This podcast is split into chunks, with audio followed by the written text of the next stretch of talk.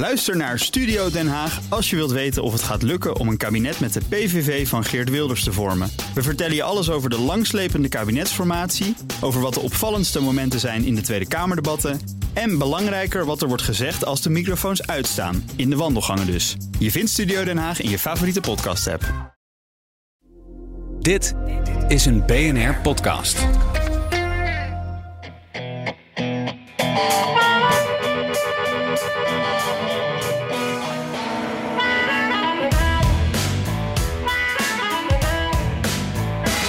Op een zwijgende groep uitzonderingen na zijn de Republikeinen in het congres steeds meer in de ban van de grote leider Donald Trump. Als een driftige coach aan de zijlijn decreteert hij wat de gekozen leden van het parlement moeten vinden, zeggen en stemmen. Tegen hulp aan Oekraïne, voor impeachment van de minister van Binnenlandse Veiligheid, tegen Joe Bidens grensplan. Hij kruist ook de degens met de NAVO-bondgenoten. Als die, zoals hij noemt, wanbetalers blijven, hoeven ze niet op Amerikaanse steun te rekenen als Rusland ze bedreigt. Sterker nog, wat hem betreft, mag Poetin zijn gang gaan. One of the presidents of a big country stood up and said, Well, sir, uh, if we don't pay and we're attacked by Russia, will you protect us? I said, You didn't pay? You're delinquent? He said, Yes, let's say that happened. No, I would not protect you. In fact, I would encourage them to do whatever the hell they want. You got to pay. You got to pay your bills. En natuurlijk kijken we of Nikki Haley nog een kans heeft tegen Trump uh, om hem van de troon te stoten. Dit is aflevering 219 van de Amerika-podcast. Mijn naam is Bernard Hammelburg. Met een beker koffie in de studio onder het wakend en ook alerte oog van Wesley. Ja, en ik ben Jan Posma aan mijn uh, vertrouwde keukentafel in Washington natuurlijk. Ook met een beker koffie. En uh, zoals altijd nemen we deze podcast op donderdag op. En uh, de radioversie hoor je dan het, het weekend erna. dus om maar eventjes de NPR te citeren. Deze podcast is opgenomen op donderdag 15 februari. Things may have changed by the time you hear it. Ja. Oké, okay, nou, we, we, weten wat we nu weten, Jan, dat is het. Laten we beginnen ja. met South Carolina. Uh, daar uh, is op 24 uh, februari de Republikeinse primary, de voorverkiezingen. we kijken natuurlijk allemaal vooral uit omdat Nikki Haley daar gouverneur is geweest. je zou in haar eigen staat toch behoorlijk moeten verwachten dat ze kan scoren tegen Trump. Jij hebt er rondgekeken, de politieke geurtjes opgesnoven. Natuurlijk Nikki ook campagne zien voeren. Hoe staat ze ervoor, Jan? Ja, um, in de peilingen, daar beginnen we toch altijd maar even mee. Hè. daar staat ze nog steeds uh, diezelfde 30 tot 40 punten achter op Donald Trump. Dat is echt nog steeds een straatlengte uh, verschil. Uh, wat wel pijnlijk is natuurlijk. Hè. In haar thuisstaat, je noemt het al, dit is de plek waar het voor haar moet gebeuren. Waarvan ze ook steeds zegt, hè, maar mijn sweet home state South Carolina.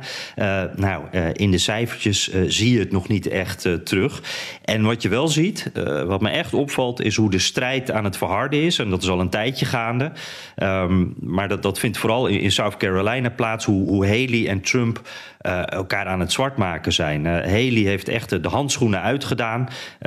Ze had het gisteren nog over Trump dat hij diminished is vergeleken met 2016. Dus de eerste keer dat hij meedeed aan de verkiezingen. Unhinged unhinged, moet ik zeggen, uh, noemden ze me ook.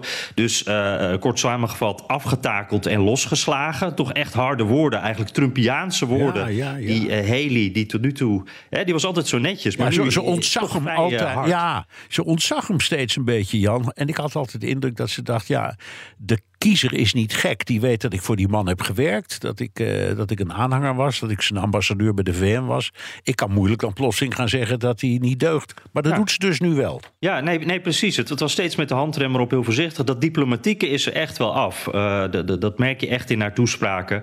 Um, en, en, Trump die is ook hard uh, terug aan het slaan. Gisteravond moest ik wel om lachen. Toen hoorde ik er deze nieuwe bijnaam. Tricky Nicky. Die, die had ik nog niet gehoord. Is die man daar? Wat Trump. is die toch goed in dat soort dingen, hè? Sleepy, Sleepy Joe en Tricky Nicky. Ik vind het fantastisch. Echt waar. Ja, ik vond deze ook wel uh, mooi. Ik dacht wel van, daar heeft hij lang over gedaan, maar hij heeft hem nu. Uh, Tricky Nicky. En, en ik, ja, ik weet niet precies wat zijn doel uh, hierbij is, want hij staat zo ver voor in de peilingen. Het, het kan zijn, zo denkt Trump denk ik ook wel, ik wil alles de kop indrukken, elke vorm van tegenstand. En, en ik vind ook dat het voorbij moet zijn, vindt Trump natuurlijk. En ik denk dat er ook voor Trump wel wat persoonlijks in zit. Hij is volgens mij echt ook wel boos dat Nikki Haley er nog steeds in zit. Want wat hem betreft, en ja, als je naar de cijfertjes kijkt, klopt dat ook, is deze strijd eigenlijk al uh, gestreden. Uh, dus wat doet Haley daar eigenlijk nog? Dus Trump die is ook echt flink op Haley aan het inslaan. Um, en, en, niet alleen bij die kandidaten zie je een verharding. Ik was dus bij een Haley-bijeenkomst. En daar zag ik iets wat ik nog niet eerder op deze manier gezien had. ik kwam er aanrijden. Het was een sporthal, mooi in het groen, parkeerplaats erbij, ergens in South Carolina. en daar stonden allemaal Trump-vlaggen. Uh, bij de ingang, tegenover de ingang. En er stonden allemaal uh, busjes met, met teksten erop. Allemaal anti-Joe Biden, anti uh, alles behalve Trump. Het was heel erg pro-Trump allemaal. allemaal Amerikaanse vlaggen. ook van die grote Harley Davidson motorfietsen erbij. dat waren de Bikers for Trump. Um, en dan moet je je voorstellen, aan de linkerkant van de weg staan uh, Nikki Haley supporters in de rij om naar binnen te mogen. Die willen naar die bijeenkomst. Aan, de overkant van de weg staan dan die bikers voor Trump met hun leren vestjes en hun grote Amerikaanse vlaggen en hun Trump-vlaggen. En uh, die reden ook uh, daar rondjes. Dus een beetje zo heen en weer. Een beetje, ja, het was heel kinderachtig, maar ze reden daar wat heen en weer op dat weggetje. En ook toen die bijeenkomst bezig was, hoorde je het, het, het uh, ja, hoe zeg je dat, het gepruttel, maar het was veel luider. Zeg maar, het geluid van die motoren hoorde je buiten. Dus ze waren echt de boel een beetje aan het, uh, ja, een beetje nou, aan het beetje, was het. een beetje zwaar. Uh, dat, wat, ik noem dat pure intimidatie. Toch? Ja, ja, precies. Nou, dat, dat is. Ik, ik was daar. Ik dacht van waarom doen jullie dit nou, joh? Het, het, is ook helemaal niet nodig. Want Trump staat zo ver voor. Wat, is nou. Wat is het doel hiervan? Dus ik vroeg inderdaad ook van hé, hey, uh, mooi al die vlaggen en. Jullie laten zien dat jullie er zijn. Maar waarom eigenlijk? Dit is helemaal niet jullie bijeenkomst. En is dit niet intimiderend zo? En nou, de eerste mevrouw die, die zei toen iets van. Nou, helemaal niet. Hè. We doen. We laten gewoon zien dat we er zijn. dit is helemaal geen probleem verder. En toen zei een man daarachter. Um, die zei van, nou, ik hoop dat het intimiderend is. Want uh, dit zijn geen echte republikeinen daarachter in die zaal. Uh, dit zijn rhino's. En deze mensen die moeten gewoon maar eventjes horen hoe het zit. En dat ze eigenlijk gewoon achter Trump moeten gaan staan. Want dat is de man uh, die we moeten steunen. Dat is de man die het voor ons gaat doen. Dus ik hoop dat het intimiderend is. Want ik hoop dat dat resultaat uh, oplevert. Ja, maar, maar, even, even nog voor de voorstelling. Je ziet dus een keurig rijtje met mensen die uh, met hun handtasjes in de hand... en uh, weet ik wat, uh, een Amerikaans vlaggetje ja. staat te wachten om te, gaan, om te gaan luisteren naar Nikki Haley. En aan de overkant staat zo'n hele bende bikers. Ongetwijfeld met uh, tatoeages en leren jackies. Nou, ik, ik, zou Ja, ik zou erdoor geïntimideerd raken hoor. Dat, dat denk ik echt. Ja, ja, nee, het zag er ook echt intimiderend uit. En ik moet wel zeggen, het waren allemaal uh, bikers op leeftijd. Maar toch, het, het is niet, uh, je wil er geen ruzie mee hebben. Dat is wel duidelijk. Er ging echt een hele duidelijke negatieve energie vanuit, zal ik maar even zeggen. Ja. Op een bepaald moment was er ook een gek moment. Er stonden allemaal, ze hadden ook allemaal Trump-bordjes van, van die lawn signs die je in de tuin kan zetten, hadden ze er neergezet. En Nikki Haley supporter haalde die weg. Nou, toen ging een Trump-supporter erachteraan. kwam allemaal goed verder. Hè. Het is geen vechten geworden, maar het, het was echt, ja, was echt een, het voelde als een soort grote burenruzie die gaande was. En uh, toen was er nog tijdens die toespraak, uh, toen waren we dus binnen.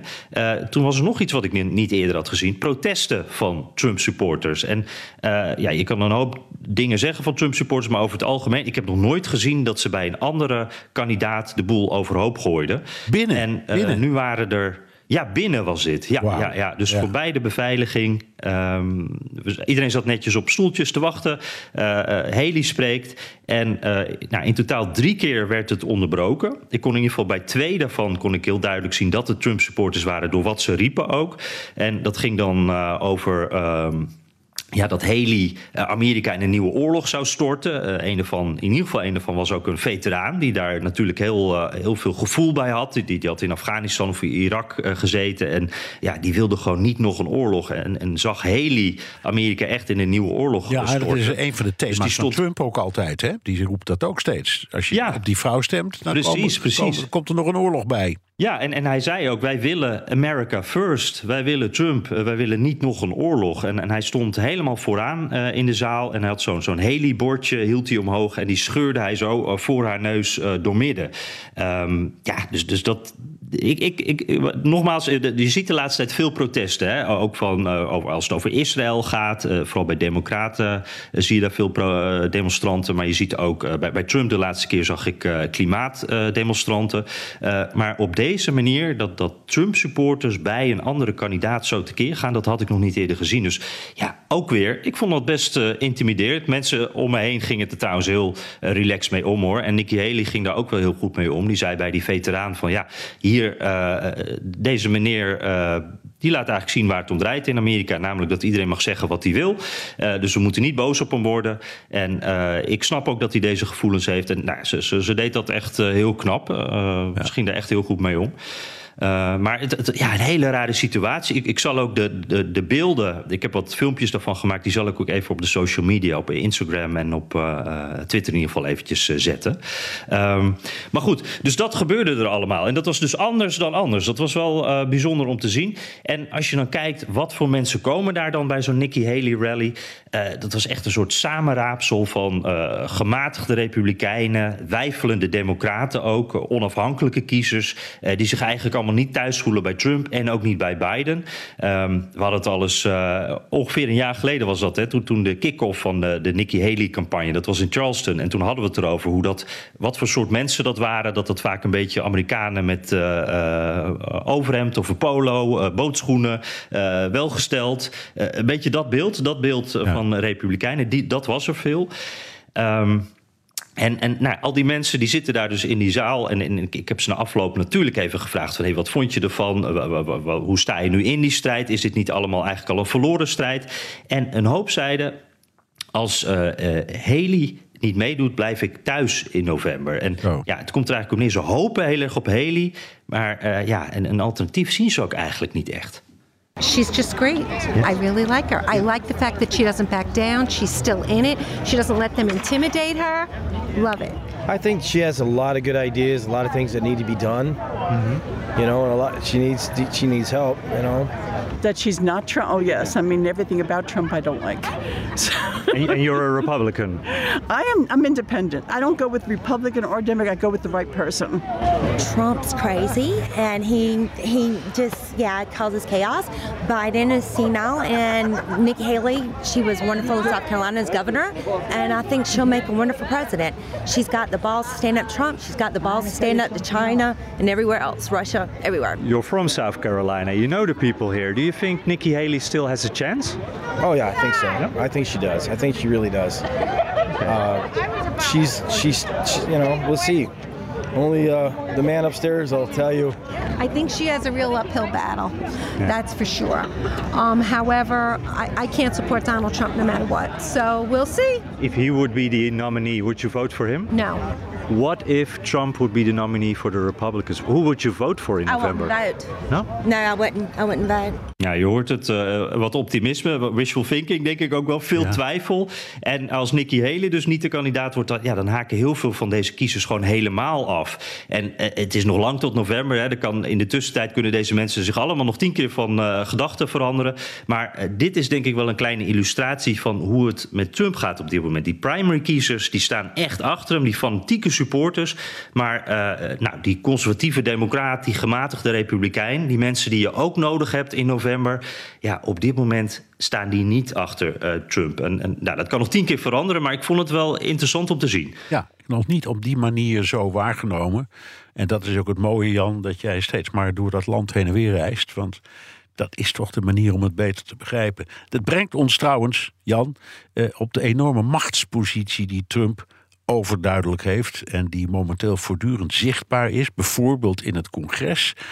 Daar ligt, daar ligt een wet op tafel die voorziet in 90 miljoen dollar steun aan Oekraïne. Miljard? Eh, miljard, ja. Eh, dollar steun Oekraïne, Israël, nog wat doelen.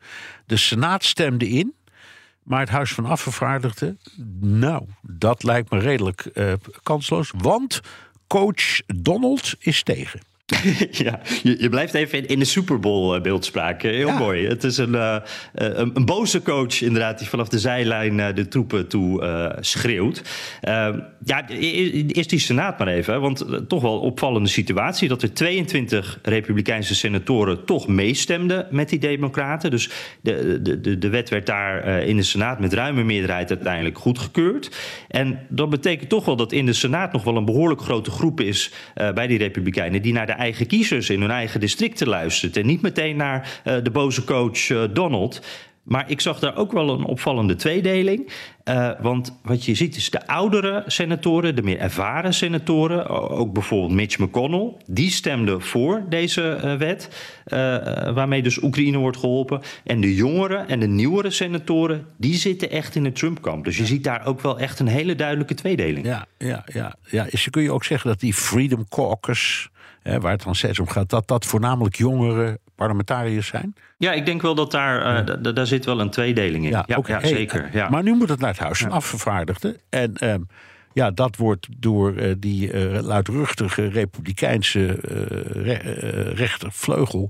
wordt de, de, deze wet behoorlijk ehm, geblokkeerd, nu al. Ja, van tevoren al, uh, hij blijft het nog steeds zeggen. De Mike Johnson heb ik het dan over, de, de, voorzitter uh, van het huis, de, de Republikeinse leider. Die man is een Trumpist, is lid van de Freedom Caucus, dus echt die, die uiterst rechtse vleugel van de fractie. Fel tegen dit, dit, dit, dit, plan om Oekraïne te helpen. En volgt daarin Trump ook natuurlijk, 100%. En die zegt: Ja, ik, ik ga hier niet eens over stemmen, ik ga dit negeren, ik wil het hier niet eens over hebben. Nee. Kan dat? De Republikeinse uh, meerderheid is flinterdun. Uh, zeker nou die oplichter, dat moet misschien ook nog even hebben, hè? Die, die George Santos. die, die, nou, waarvan we niet eens weten of hij echt zo heet. Maar die had ongeveer iedereen en alles opgelicht. Die is uiteindelijk als Republikeins lid van het huis afgezet. Gebeurt ook niet vaak.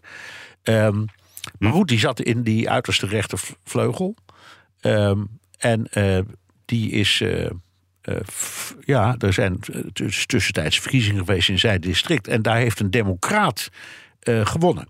Dus de, de, de, de, de meerderheid in het huis van de, van de Republikeinen is nog kleiner. Je, je hebt eigenlijk, als ik het goed begrijp, nog maar twee of misschien drie Republikeinen nodig. Om met de Democraten mee te stemmen. En dan zou die wet het wel kunnen halen. Ja, ja, precies. En, en, waarom dat dan nog een beetje onduidelijk is, heb je er twee of drie nodig. Er zijn een paar posities niet ingevuld op dit moment in het huis. Dat maakt het ingewikkelder. En, en je hebt dus ook nog bepaalde democraten die niet uh, het hiermee eens zijn, uh, helemaal aan de linkerkant van die partij. Dus dat maakt het heel ingewikkeld. En ja, die meerderheid van de Republikeinen daar is echt nou, van, van flinterdun naar nog dunner gegaan. en die, die opvolger van die Santos, die is pas over twee weken. Eh, zit hij daar officieel. Dus eh, tot die tijd eh, sowieso is het dat nog even afwachten. maar. Um, ja, dan heb je een hele kleine kans als inderdaad dus een paar republikeinen zouden overlopen, dat ze via een ingewikkelde procedure buiten de voorzitter om, buiten die Mike Johnson om, toch hierover zouden kunnen stemmen. Maar ik moet zeggen, ik zie het niet, niet, gebeuren. Het is gewoon zo ingewikkeld om een compromis te vinden. Uh, helemaal in het huis uh, waar, waar, de Trump-vleugel zo invloedrijk is. En, en, Trump die dus aan de zijlijn iedereen staat toe te schreeuwen. ik zie het echt niet gebeuren. Er was eerder hè, er was er een compromis over, over geld voor, voor het immigratieplan, voor, voor de grens, de Amerikaanse grens. Trump torpedeerde dat. Mike Johnson was dus ook tegen. nu is er dus een plan zonder dat geld voor de grens. Ze hebben het weer losgetrokken met alleen Oekraïne, Israël en Taiwan. En nu zegt Johnson, ja, zonder dat grensgeld stemmen we er niet over. Dus ja, uh, als optie 1 niet kan en optie 2 kan niet, wat blijft er dan over? Wat moet je dan nog? Ja. Dus uh, ja, het, het, zit gewoon helemaal vast ja, volgens mij. Ja, nou ja, zeg, die procedure om te stemmen buiten de voorzitter om, dat is geloof ik in de geschiedenis een paar keer gebeurd. Niet veel. En ik snap eerlijk gezegd ook niet helemaal hoe die werkt, die procedure. Maar volgens mij moet dat dan een uh, procedure zijn die door de Republikeinse fractie zelf wordt gestart. Dus dan zou er, mm. zou er een groepje, laten we maar zeggen, liberalere Republikeinen eh, moeten zeggen: wij gaan praten met eh, de democratische eh, fractie. Eh, en dan gaan we kijken of we de zaak in stemmen kunnen brengen. Maar het is, het, nogmaals, het is ingewikkeld. En het is, voor zover ik heb kunnen, ik ben een beetje gaan googelen gewoon. En ik heb eigenlijk geen. Je ziet, je ziet nauwelijks voorbeelden van waar het ooit is gelukt. Maar de vraag is niet onbelangrijk, omdat als je de totalen in de beide partijen optelt. En dus niet, niet die, die, die, eh, Freedom Caucus, eh, want die, dat is een minderheid binnen de fractie. Maar als je kijkt naar de, de meerderheid binnen de fractie, samen met een meerderheid binnen de Democraten, dan moet daar objectief voldoende aan stemmen zijn om gewoon voor die wet te stemmen. Of zie ik dat verkeerd? Ja. Nee, je hebt helemaal gelijk. En, maar het, het is die, die, ja, die, krachten van buiten, want dat is Donald Trump. Hè. Het is een presidentskandidaat. eh, dus officieel eh, heeft hij hier eigenlijk helemaal geen, geen rol in, zou je kunnen zeggen. Eh, dat soort krachten die maken dit gewoon zo moeilijk. onmogelijk eigenlijk. En ja, je begon al met die uitspraak van Trump over de NAVO. Hè. Dat is iets wat ook hier enorm ehm, ja, impact had. En waarbij ik ook wel merkte dat er echt wel wat republikeinen, met name in de Senaat dan, zijn die dan zeggen van ja, maar wacht eventjes, dit kan niet. Eh, de NAVO, artikel 5, dit zijn allemaal grondbeginselen. Dit hebben we echt nodig. Eh, hier kunnen we niet aan tornen. Ehm, maar tegelijkertijd, wat we al vaker hebben gezegd, die, die, die luidere eh, Trump-fractie, die hoor je gewoon meer. Ehm, Ja. dus ja, dit, dit is echt een man die, die de boel in de houtgreep Ja, heeft. Het is heel opmerkelijk. En hij zei dan ook, en dat vond ik eh, in, in dat fragment dat we aan het begin hoorden, het eigenlijk het meest verontrustend. Dat, dat hij tegen de NAVO-landen zegt: Ja, als jullie niet betalen. Hij snapt trouwens helemaal niet hoe dat werkt, want ze moeten niet betalen. Ze moeten meer investeren in hun eigen defensie. Dat hebben ze afgesproken. Maar dat hij, doet hij toch doet- expres ook. Hij, Hij- ja, hij doet hij net- doet alsof het een soort contributie is die niet wordt betaald. Juist. Maar inderdaad, het gaat om je bruto binnenlands product, 2%. Dat je Juist. dat, en dat is geeft. ingewikkeld, want zelfs als je aan die 2% voldoet, die staat gebudgeteerd, staat van tevoren vast. Maar als eh, je bruto eh, eh, nationaal product in een goed jaar oploopt, en dat hoop je allemaal, dan zit je plotseling onder die 2%. Dus het is vaak helemaal niet eens boze opzet. En de NAVO is er echt mee bezig. Niettemin, hij roept, ehm, nou ja, van de zijlijn, wat ik nog steeds krankzinnig blijf vinden, ehm, dat Poetin, wat hem betreft, dan maar gewoon moet binnenvallen of moet zien wat hij doet. Als zo'n NAVO-land weigert die, aan die 20% te vol, aan die 2% voldoen. Het is doodeng. Vind je niet? Ik, ik denk dat er eh, helemaal, ja, en, en er werd heel veel eh, gereageerd eh, vanuit Democraten natuurlijk, vanuit het Witte Huis. Maar ik denk dat het campagneteam van Biden hier wel blij mee was. Want ineens ging het over Donald Trump weer. En dat zagen ze toch, dat zien ze toch liever dan dat het over Biden gaat.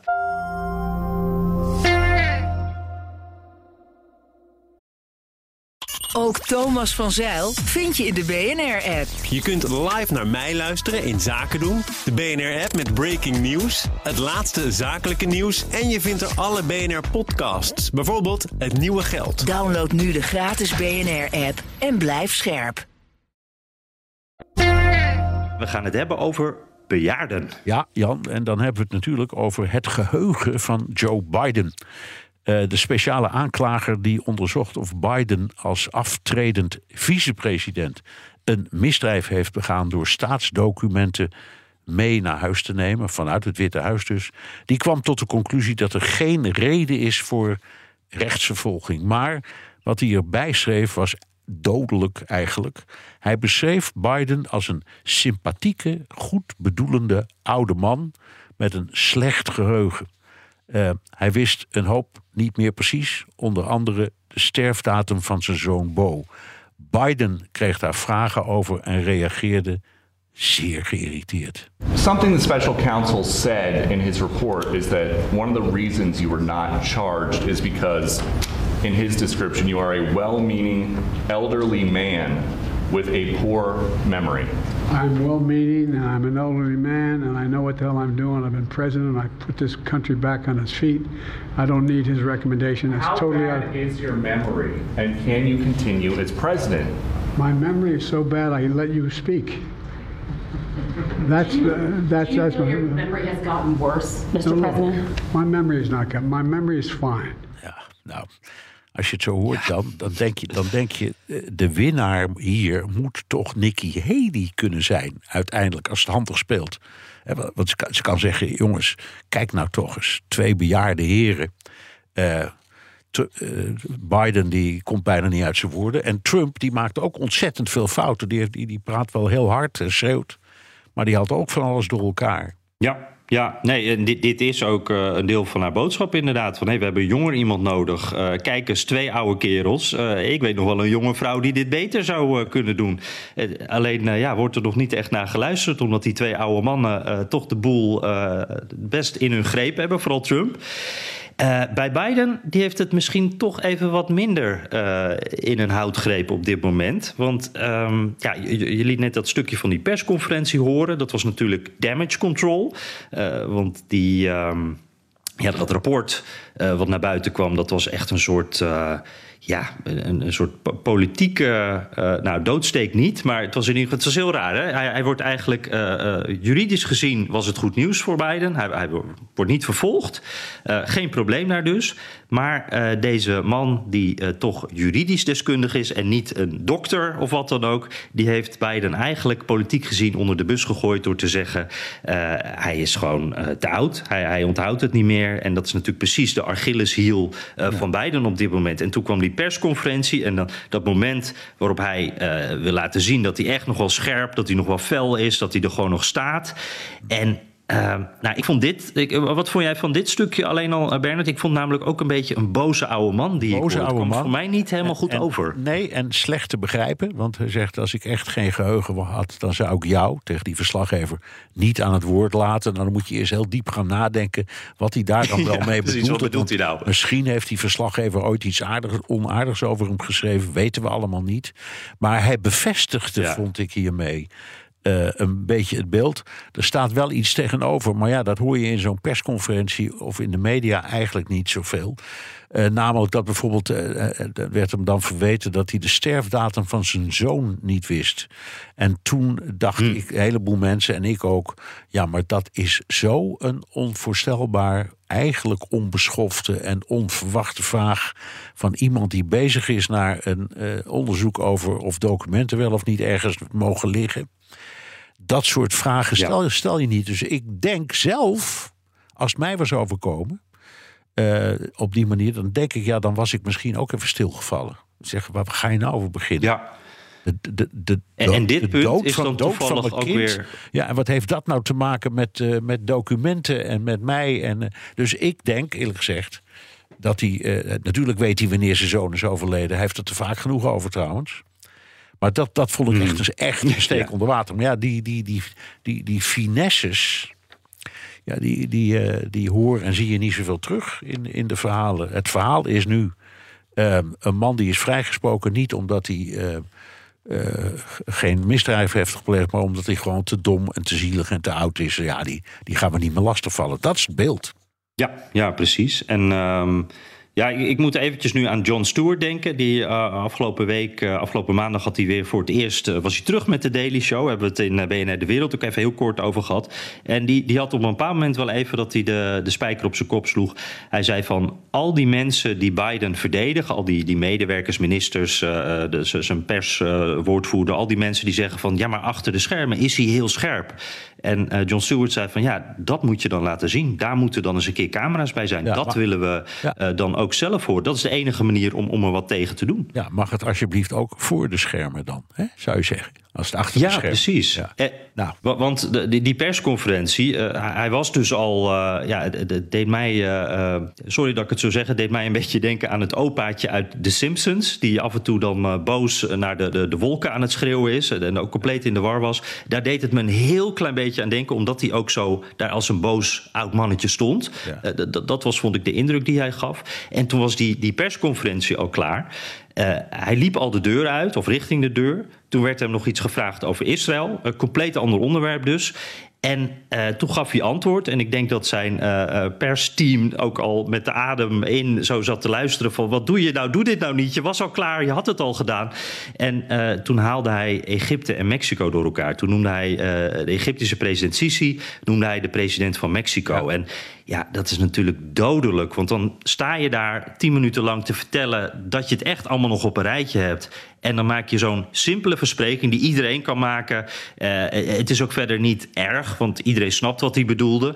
Maar ik, ik zat hier te luisteren. Barbara en ik zaten samen naar die persconferentie te kijken. We keken elkaar echt aan. Zei dat nou echt? Ja. En dat En is dan toch is het ja. moment wat blijft hangen. zei ja, maar het rare is, Jan.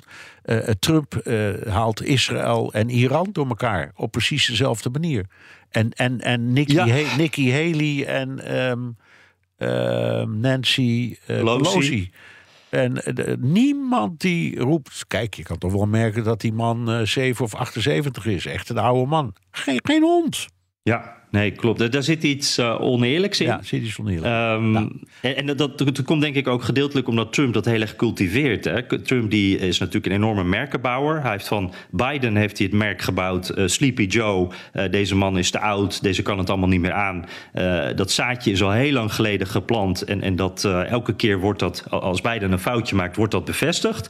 Eh, en Trump eh, maakt van zichzelf juist een hele energieke man. Waarbij leeftijd eigenlijk niet zoveel ertoe doet. Je zou bij Trump ook kunnen redeneren. Hè? Die man die leeft vrij ongezond, die heeft overgewicht. eh, allerlei dingen eh, die ook eh, een probleem kunnen zijn. Die maakt inderdaad ook allerlei foutjes in wat hij zegt en hoe hij het zegt. En nou, dat Nancy Pelosi en Nikki Haley verhaal, dat probeerde die, ik geloof gisteravond probeerde hij dat uit te leggen.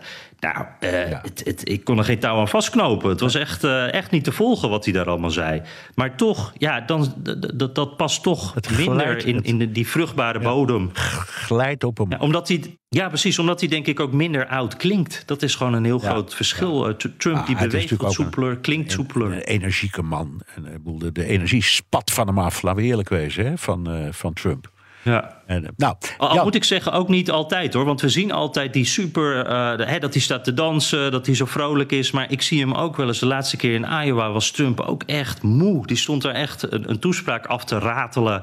Van wanneer ben ik klaar? Eh, Ja. dus ja, het en is een, niet beetje allemaal te, zo en een beetje te hijgen bij het trappetje, zag ik ook. Wat over, ja, ja, precies. Ja, wat overigens, ja, dat kan iedereen gebeuren. Mij ook hoor, maar toch. Oké, Jan, zullen we naar de luisteraars vragen? Ja, leuk. die zijn welkom via de mail of via de Amerika Podcast WhatsApp. Daar kun je je vraag of opmerking ook inspreken. Het nummer is 06 2813 5020. Ja, en laat ook eh, even een beoordeling achter eh, in Spotify. Eh, vertel het je vrienden. helpt ons ook allemaal weer. Eh is fijn voor ons, meer luisteraars. Dat maakt het voor ons makkelijker om deze podcast te blijven maken. En blijf ook vooral luisteren natuurlijk. Want voor de goede, leuke of kritische vragen... geven we regelmatig een Amerika-podcast koffiebeker weg. Dus zet je naam en je adres er ook eventjes bij. Ehm, ik denk over twee weken gaan we er weer eentje weggeven. Dus eh, een, een collectors item is het. Ehm, en dan gaan we naar de vragen van deze week. Eh, beginnen we met Koop Steenbergen. Eh, ja, dit vond ik wel leuk. Die, die eh, heeft al een paar afleveringen terug. Toen hadden we het erover dat een president, nadat hij of zij gekozen is, nooit meer mag autorijden. Dus ook na zijn presidentschap mag dat niet meer. En nou zegt Koop van ja, je kunt als president toch een decreet indienen dat die regel voor jou niet telt. Of gaat dat niet op? En heeft de Secret Service hierin de leidende rol? Het laatste is zeker. Eh, want die, die staat continu om hem heen. Dus op het moment dat hij in een auto zou willen stappen, zou de Secret Service hem waarschijnlijk tegenhouden. Dat, want het mag gewoon niet. Eh, kun je een, eh, een decreet indienen zolang op het moment dat je president bent? Ik weet niet of dat kan.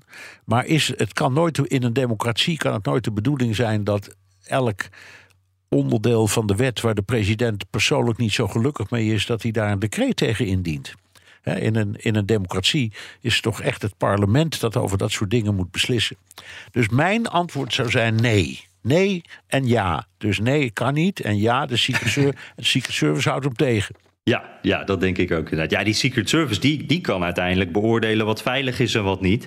En als ik bedenk, wa- wat zou er gebeuren als inderdaad eh, eh, nou, Biden of Trump of wie dan ook achter het stuur zou stappen en hier in het verkeer in Washington eh, over de ringweg zou gaan. ik, ja, dat, dat zou chaos worden volgens mij. Dus eh, Nou, ja, dat vinden ze geen goed idee. Nee, voor Biden is het triest, hè, want die is autogek.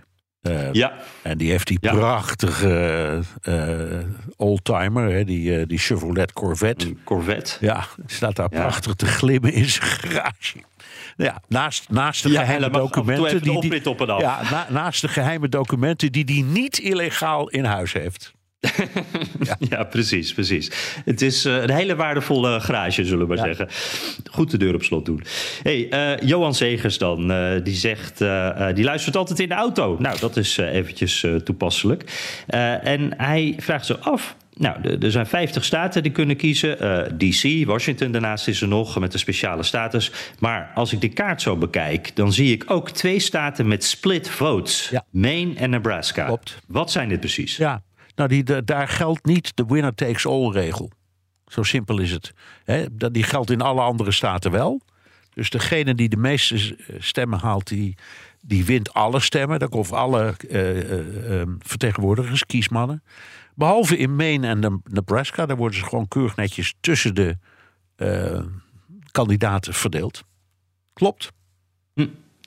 Dus als het 50-50 is, gaat het gewoon eh, door de helft. en is het niet. Eh, ja, dat is in Maine weer lastig, want die, dat, die hebben geloof ik drie kiesmannen. Oh ja, dat weet ik niet helemaal zeker. dus, ja, dan zit je dan met je halve kiesman. ja, ja, maar goed, nee, maar da- daar komt het wel op neer. Ja. Ja, ja. Hey, Bob, eh, die vraagt zich af. ehm, jullie hebben het vaak over die polarisatie, eh, de vijandige houding tussen Republikeinen en Democraten. Wordt dit als een probleem ervaren? Worden wel eens vraagtekens gezet bij het politieke systeem in het land? Of bijvoorbeeld is gekeken hoe men de politiek in andere landen heeft georganiseerd? Zijn er niet een hoop mensen die klaar zijn met hoe eh, men in Amerika omgaat met de politiek? Ik zou zeggen, we gaan het zien bij de verkiezingen. Ehm, mijn, in- mijn indruk is dat het, die polarisatie nog steeds erg in de zielen van de mensen zit. Maar ehm, als wat in jouw reportage bijvoorbeeld een thema was, hè, als Nikki Haley niet wint, ga ik niet stemmen. Ik noem maar wat. Als dat blijkt een teken te zijn van een signaal dat veel groter is. Hè, dus een heleboel mensen. Dus als de opkomst laag wordt, dan zou het antwoord wel eens ja kunnen zijn. Dan zou het antwoord kunnen zijn. Mensen hebben, zijn er inderdaad wel klaar mee. Met dit soort gekissenbis. Zo, ik, dit is, dit, ik heb geen enkele eh, wetenschappelijke of statistische eh, eh, eh, materiaal hiervoor. Hoor. Ik, ik, het komt uit mijn eigen duim, maar ik denk het wel. Ja, ik, ik, ik, zit, eh, ik moet altijd aan 2016 denken. Hè, toen mensen echt met eh, de neus dicht gingen stemmen. Eh, want beide kandidaten hadden ze dan geen zin in. Maar ja, dat, dat dan toch gemotiveerd van het mag dan niet Trump worden of het mag niet beide worden, gingen ze dan toch. En die mensen gingen dus allemaal met tegenzin naar, naar, naar het stemlokaal. Maar dat houdt ook een keertje op. Ik vraag me ook elke keer af. elke verkiezingen is er weer, zijn er heel veel kandidaten die zeggen: dit zijn de belangrijkste ooit. En die kiezers, ik heb ook een beetje het gevoel, die trappen er elke keer maar weer in. Van, ja, deze is echt heel belangrijk. Het is ook altijd belangrijk natuurlijk. Maar ik vraag me af wanneer dat een keertje uitgewerkt is. dat, eh, het is ook een keertje klaar, toch? Ja, en ik hoop dat dat komt. en als het niet nu komt, dan denk ik ook, hè, eh, je moet de stip in, in het leven en in, in het nadenken en ook in de journalistiek wel eens iets verder op de horizon leggen. Wie er ook wint, vier jaar later zijn ze weg. Of het nou Trump wordt of Biden, vier jaar later is het over. Komt een heel ander persoon, misschien een leuke jonge vrouw of zo. Doe maar wat. Hè? Even iets anders. Ja, ja, ja. Hey, en, en nog even kort hoor, want hij, hij vraagt ook van... joh, eh, kan er dan wat aan het systeem veranderd worden? En, en ik denk dan dat hij ook een beetje doelt op een derde partij. Zou dat misschien ook wat kunnen oplossen? Zou dat misschien eh, Nou die ja, nee, maar polarisatie dat- wat tegen ja, kunnen gaan? Dat mag. Eh, denk aan, aan, eh, aan Kennedy, die nu meedoet. Ook onafhankelijk. Ik, weet, ik weet niet hoe ver die komt, maar het mag. Het probleem is dat eh, het is in het verleden een aantal keer gebeurd, maar, en, maar er is nog nooit een onafhankelijke kandidaat geweest die voldoende stemmen binnenhaalde om ook kiesmannen te krijgen.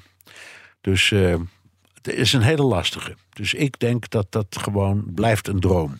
Ja, ja, precies. Omdat dat systeem ook helemaal is ingericht op twee partijen. Daar kom je gewoon zo moeilijk tussen. Eh, nou goed, we houden het in de gaten. Arjen Mollema die zegt eh, in 68 besloot LBJ eh, Johnson om als zittend president niet mee te doen aan de verkiezingen. Vietnam speelde een belangrijke rol. Maar naar verluidt ook zijn zorg dat hij een tweede termijn niet zou kunnen afmaken in verband met zijn gezondheid. Nou, hij is niet heel veel ouder geworden ook. Hè. Zou het kunnen dat Biden wacht op een mooi moment om net als LBJ een stap terug te doen? Ja, maar daar is het nu te laat voor. Want LBJ heeft inderdaad eh, op een bepaald moment. Kijk, hij was president geworden omdat de zittende president werd vermoord. Daarna is hij één keer gekozen. En hij had dus het recht om nog een keer te wo- worden gekozen. Hè? En toen heeft hij zichzelf totaal onverwacht. Er was ook binnen de partij niemand die waar dan ook van wist. In een televisietoespraakje dat over een heel ander onderwerp ging, gezegd. En overigens, ik stel mij niet kandidaat. En als de partij mij kandidaat wil stellen, zal ik dat niet aanvaarden.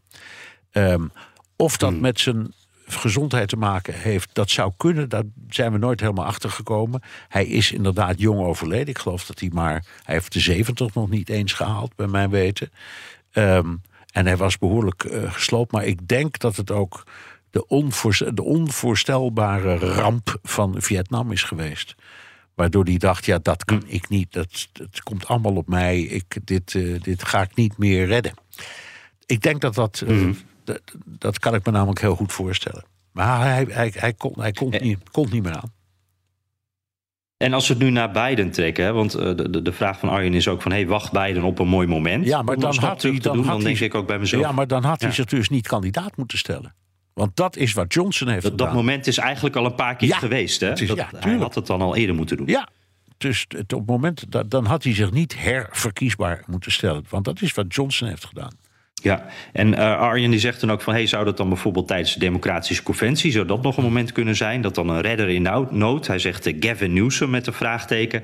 eh, naar voren kan worden geschoven. Dat is een hele chaotische methode om het te doen. En volgens mij zou dat niet van tevoren iets zijn... waarvoor je kiest als kandidaat of als partij. Want dat levert heel veel onduidelijkheid en onzekerheid op. Maar dat zou wel kunnen, hè? Jawel, Daar moeten we later misschien maar eens wat meer over Jawel, maar dat is meestal als de, de conventie er niet uitkomt. Eh, bijvoorbeeld met meerdere kandidaten. En dan heb je de ene, ene naar de andere stemming en die leiden allemaal tot niks. En dan op een bepaald moment. dan zou de conventie kunnen zeggen. een voorstel kunnen aannemen om alle gedelegeerden te ontheffen van hun binding aan een kandidaat. Dus ze zeggen alle eh, eh, gedelegeerden namens Biden besluiten om die binding te, on, te, on- te ontbinden. En dan kunnen ze volgens mij, volgens het reglement, iedereen die ze maar willen, eh, eh, daar op de conventie tot genomineerde kandidaat kiezen. Eh, ik weet niet of het ooit op die manier is gebeurd, maar het kan. Dat kan. Volgens mij is het reglement dat dat kan. Jij hebt eh, nu omschreven de natte droom van elke journalist, toch? Elke vier jaar gaat het hier toch ja, weer over. ja, Hoop je toch? Het gebeurt nooit. Precies, precies. Dat zou fantastisch zijn. Ja. Ja, hey, dankjewel voor die vraag, eh, Arjen. Arjen uit Groningen. Eh, Michiel Beijer dan, die zegt... ja, jullie hebben het vaak over 6 januari natuurlijk gehad, de bestorming. En dan gaat het ook vaak... wat voorbij komt dan is een filmploeg die op 6 januari Trump volgde en filmde... omdat hij een documentaire aan het maken was. Ik vroeg me af of jullie weten of die documentaire al is uitgebracht... en wat titel eh, ervan is.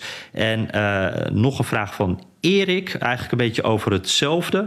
Eh, die vraagt zich af, dat gaat denk ik over dezelfde documentaire. Ik vroeg me af of jullie die al gezien hebben en wat jullie ervan vinden. En heeft het in Amerika nog stof doen opwaaien?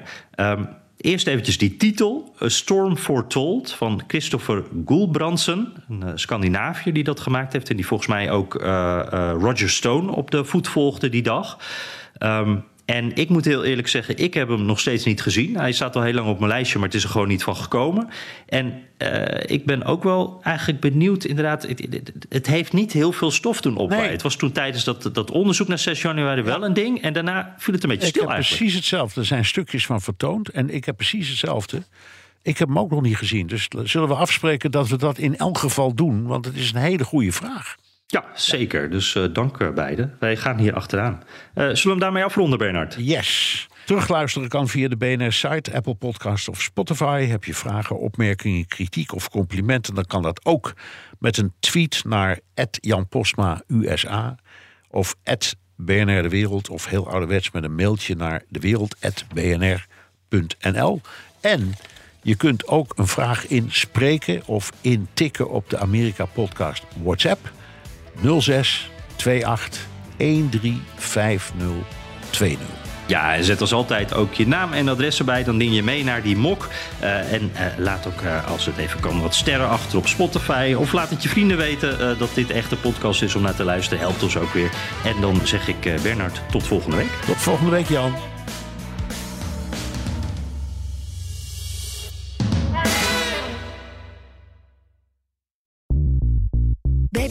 Ben je altijd als eerste op de hoogte van het laatste nieuws. Luister dagelijks live via internet. Bas van Werven. En heel langzaam komt de zon op rond dit tijdstip. Je krijgt inzicht in de dag die komt op BNR, het Binnenhof in Nederland en de rest van de wereld. De Ochtendspits. Voor de beste start van je werkdag. Blijf scherp en mis niets.